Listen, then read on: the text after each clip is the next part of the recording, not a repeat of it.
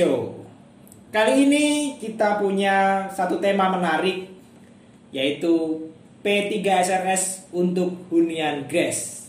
Dan kali ini kita akan berbincang seru tentunya bersama dengan bintang tamu kita kali ini adalah Bro Adi. Gimana kabarnya Bro Adi? Baik, Wah, sehat selalu Bro Adi ya. alhamdulillah. Ya, ini eh, Bro Adi ini tentunya di bisnis unit properti manajemen sudah malang melintang nih eh, melakukan pengelolaan dan berpengalaman terkait dengan pengelolaan hunian baik rusunami maupun rusunawa. Nah, kali ini kita akan membahas terkait dengan P3SRS di mana P3SRS ini menjadi salah satu hal penting dalam proses serah terima unit rusunami maupun terkait dengan proses pengelolaannya. Bro Adi, Oke. terkait dengan P3SRS ini, sebenarnya perhimpunan pemilik dan penghuni satuan rumah susun atau P3SRS itu seperti apa sih? Bisa diobrol nih gimana nih, Bro Adi? Oke, pertama sih kita bicara definisi dulu nih ya. Oke, P3SRSI itu adalah satu badan hukum Mhm. yang beranggotakan para pemilik atau penghuni rumah susun milik. Oke, oke. Nah, Berarti khusus rusunami ya, Bro Adi ya? Iya, Hmm. jadi ini kita tidak hanya pemilik si rusunaminya saja, tapi Hmm. juga penghuni. Oke, oke. Kalau penyewa bisa jadi anggota? Ya, itu kita kita mengklasifikasinya menjadi penghuni. Oke, oke, oke, oke. Bro Adi, dalam pengelolaan apa sih sebetulnya yang menjadi biasanya menjadi fokus nih dari eh, pengelola terhadap eh, P3SRS ini? Apakah sebetulnya ada hubungan langsung antara pengelola dengan P3SRS atau punya hubungan seperti apa antara pengelola dengan P3SRS? Karena P3SRS ini kan sebetulnya nantinya seperti pemilik gitu loh. Ya, seperti betul. pemilik. Jadi hubungannya seperti apa, Bro Adi? Kalau bisa dijelaskan. Hubungannya antara P3SRS dengan pengelola sebetulnya sebagai mitra, mitra sejajar, oke. Hmm. di mana P3SRS sebagai pemilik gedung memberikan tanggung jawab kepada pengelola untuk mengelola gedung Hmm. yang mereka miliki ini. Nah, Oke. di dalam pengelolaan sendiri kita berusaha untuk memberikan kenyamanan kepada Oke. semua penghuninya. Hmm. Nah, yang kita biasa tawarkan kepada P3SRS itu pertama kebersihan. Ya. Yang jelas kalau nggak bersih kan pasti Oh iya. nggak nyaman kan. Pastinya, pastinya, Bro Adi, Kemudian pastinya. juga keamanan. Hmm. Kita berusaha untuk memberikan rasa aman kepada para penghuni rumah susun milik itu. Hmm. Kemudian juga kita memberikan fasilitas-fasilitas pendukung, ya mungkin ada eh, internet, ada perparkiran seperti itu. Bro Adi kalau mau eh, lebih jauh nih Kak, sebetulnya P3SRS ini sebaiknya kapan sih dibentuk gitu loh? Dan bagaimana sebetulnya proses pembentukannya gitu? Oke, jadi se- di Indonesia sendiri itu ada aturan-aturan yang sudah mengatur Hmm, untuk pembentukan P3SRS ini. Oh, sudah ada aturannya berarti ya, Ya. Adi ya ini ya. Paling tinggi itu ada Undang-Undang Nomor 20 Tahun 2011 yang mengatur Oke. mengenai rumah susun juga di dalamnya mengatur P3SRS. Oke. Nah, untuk pembentukan P3SRS sendiri itu pertama dilaksanakan musyawarah Oh. di antara pemilik atau penghuni rusun Oke. yang difasilitasi oleh developer atau pengembang. Oke, ini berarti basisnya musyawarah nih Bro Adi ya. Iya. Tetap eh, jiwa Indonesianya keluar nih Betul. musyawarah mufakat nih ya Bro Adi ya. Nah, Oke, lanjut Bro Adi. yang dibahasnya itu di Hmm. dalam musyawarah itu pertama adalah pembentukan struktur organisasi P3SRS itu sendiri. Ada ketua, sekretaris, bendahara, kemudian Hmm. mungkin ada eh, bagian-bagiannya juga. Hmm. Kemudian ada penyusunan anggaran dasar dan anggaran rumah tangga dari Oh, P3SRS itu. Kemudian masuk ke pemilihan pengurus Hmm. P3SRS dan pengawas. Oke. Karena pengurus pun kita kan nggak bisa yang mengawasi itu satu gedung. Iya. Semua orang mengawasi kan pasti kita memberikan mandat wakil Hmm. untuk mengawasi wakil kita juga. Oke, lengkap berarti ya Bro Adi ya. Betul. Organisasinya lengkap gitu ya sebenarnya. Betul. Oke, oke, oke. Nah, kemudian setelah terbentuk nih, udah bisa hasil musyawarah itu sudah ada ADRT-nya, Hmm. kemudian juga pengurus juga sudah lengkap, ada ketua, sekretaris dan kawan-kawan. Kemudian diurus akta pendirian P3SRS-nya. Oh, berarti berarti P3SRS ini memang satu organisasi yang berbadan hukum ya diakui ya gitu ya. Betul, makanya diatur dalam Undang-Undang 20 2011.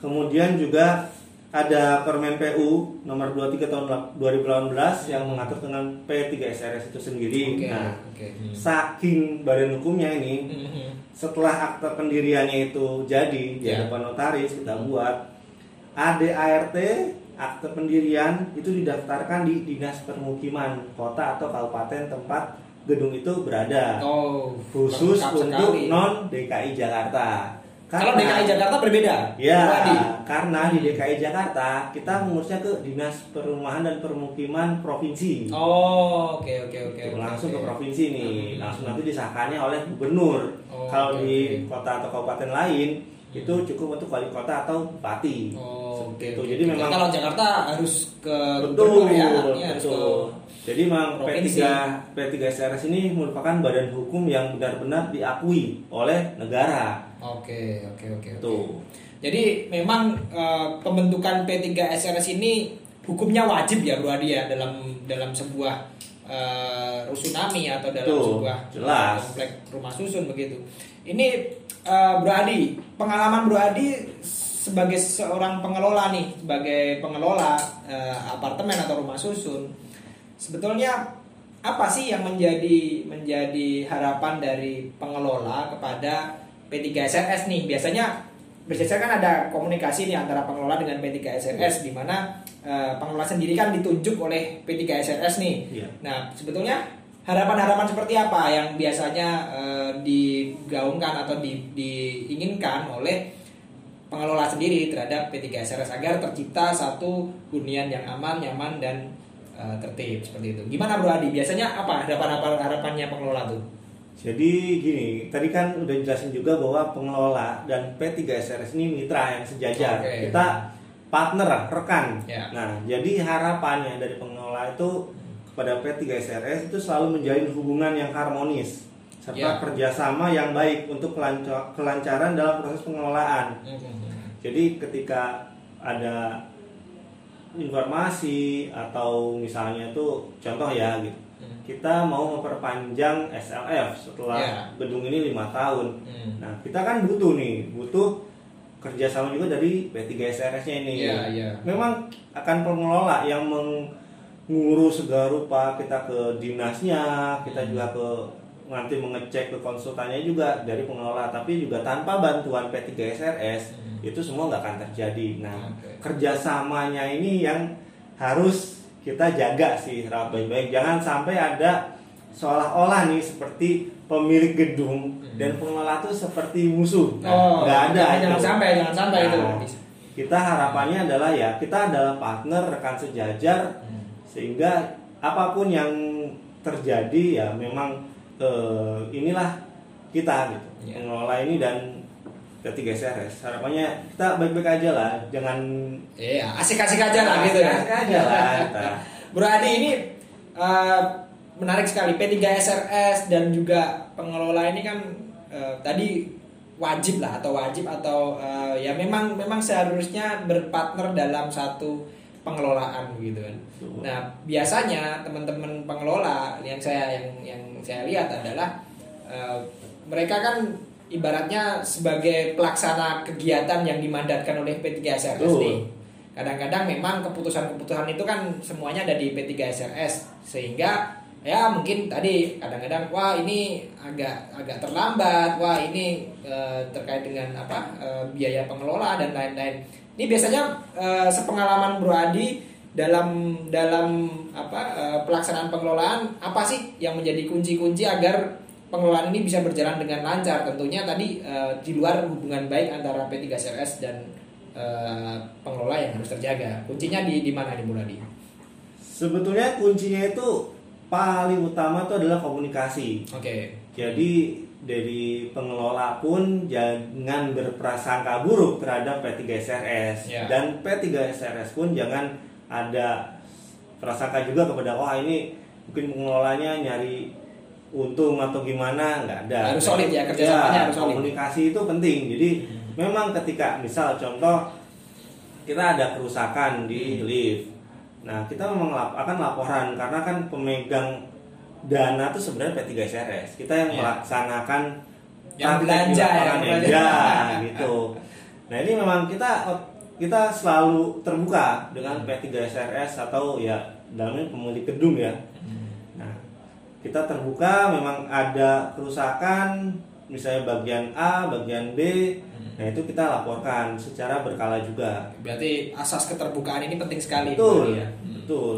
transparansinya dalam uh, pengelolaan itu penting gitu untuk untuk P3SRS. Nah, Bro Adi, um, dengan segala dengan segala pengalaman yang sudah dimiliki BUPM uh, terkait dengan pengelolaan gedung-gedung rusunami ini, sebetulnya uh, BUPM mm, paling tidak sudah memiliki memiliki uh, pemahaman dan juga memiliki pengalaman yang mendukung nantinya untuk mengelola satu kawasan yang lebih besar atau uh, apartemen-apartemen yang sudah di-create oleh Perumnas nih. Oke. Kalau menurut Bro Adi sendiri eh, BUPM ke depan nih dengan kondisi sekarang yang sedang dalam masa pembelajaran yang terus berprogres seperti ini, apakah sangat yakin dan positif ke depan BUPM bisa mengelola proyek-proyek rusunami eh, Perumnas ini dengan profesional dan juga dengan satu kualitas yang lebih baik. Oh, sangat yakin karena di sini kita sudah sebetulnya kan pengalaman untuk pengelolaan sendiri kita sudah jauh. Kita sudah mengelola sangat-sangat dari dulu sudah rusunawa kita sudah kelola. Hanya saja kan untuk rusunami ini kita baru beberapa tahun terakhir ini saja kita Ya. mengelola rusunami. Tapi overall kita untuk mengurus atau mengelola rusunawa itu kita sudah sangat berpengalaman. Jadi ke depannya pun kita dengan pembelajaran dengan apa yang sudah kita lalui di belakang pengalaman-pengalaman kita dalam mengelola rusunami baik yang di Jakarta, di Karawang maupun di Medan sana itu masukan-masukan kemudian juga misalnya salah satunya juga dari P3SRS masukannya kita tampung kita jadikan pembelajaran untuk kita lebih baik ke depannya terus belajar lah, terus Betul. belajar. Terus karena memang memang harus seperti itu pengelolaan dunia pengelolaan harus terus belajar ya Bro Adi ya. Oke, Em, mungkin kita akan lanjut kembali dalam satu segmen nanti yang eh, lebih menarik lagi bersama dengan Bro Adi. Dan untuk kali ini kita cukupkan satu perbincangan ini eh, di waktu ini. Bro Adi tadi pesan dan kesannya adalah bahwa BUPM sangat confident untuk mengelola rusunami dan rusunawa Perumnas ke depan. Oke, eh, sampai ketemu lagi. Sampai jumpa Propman Show.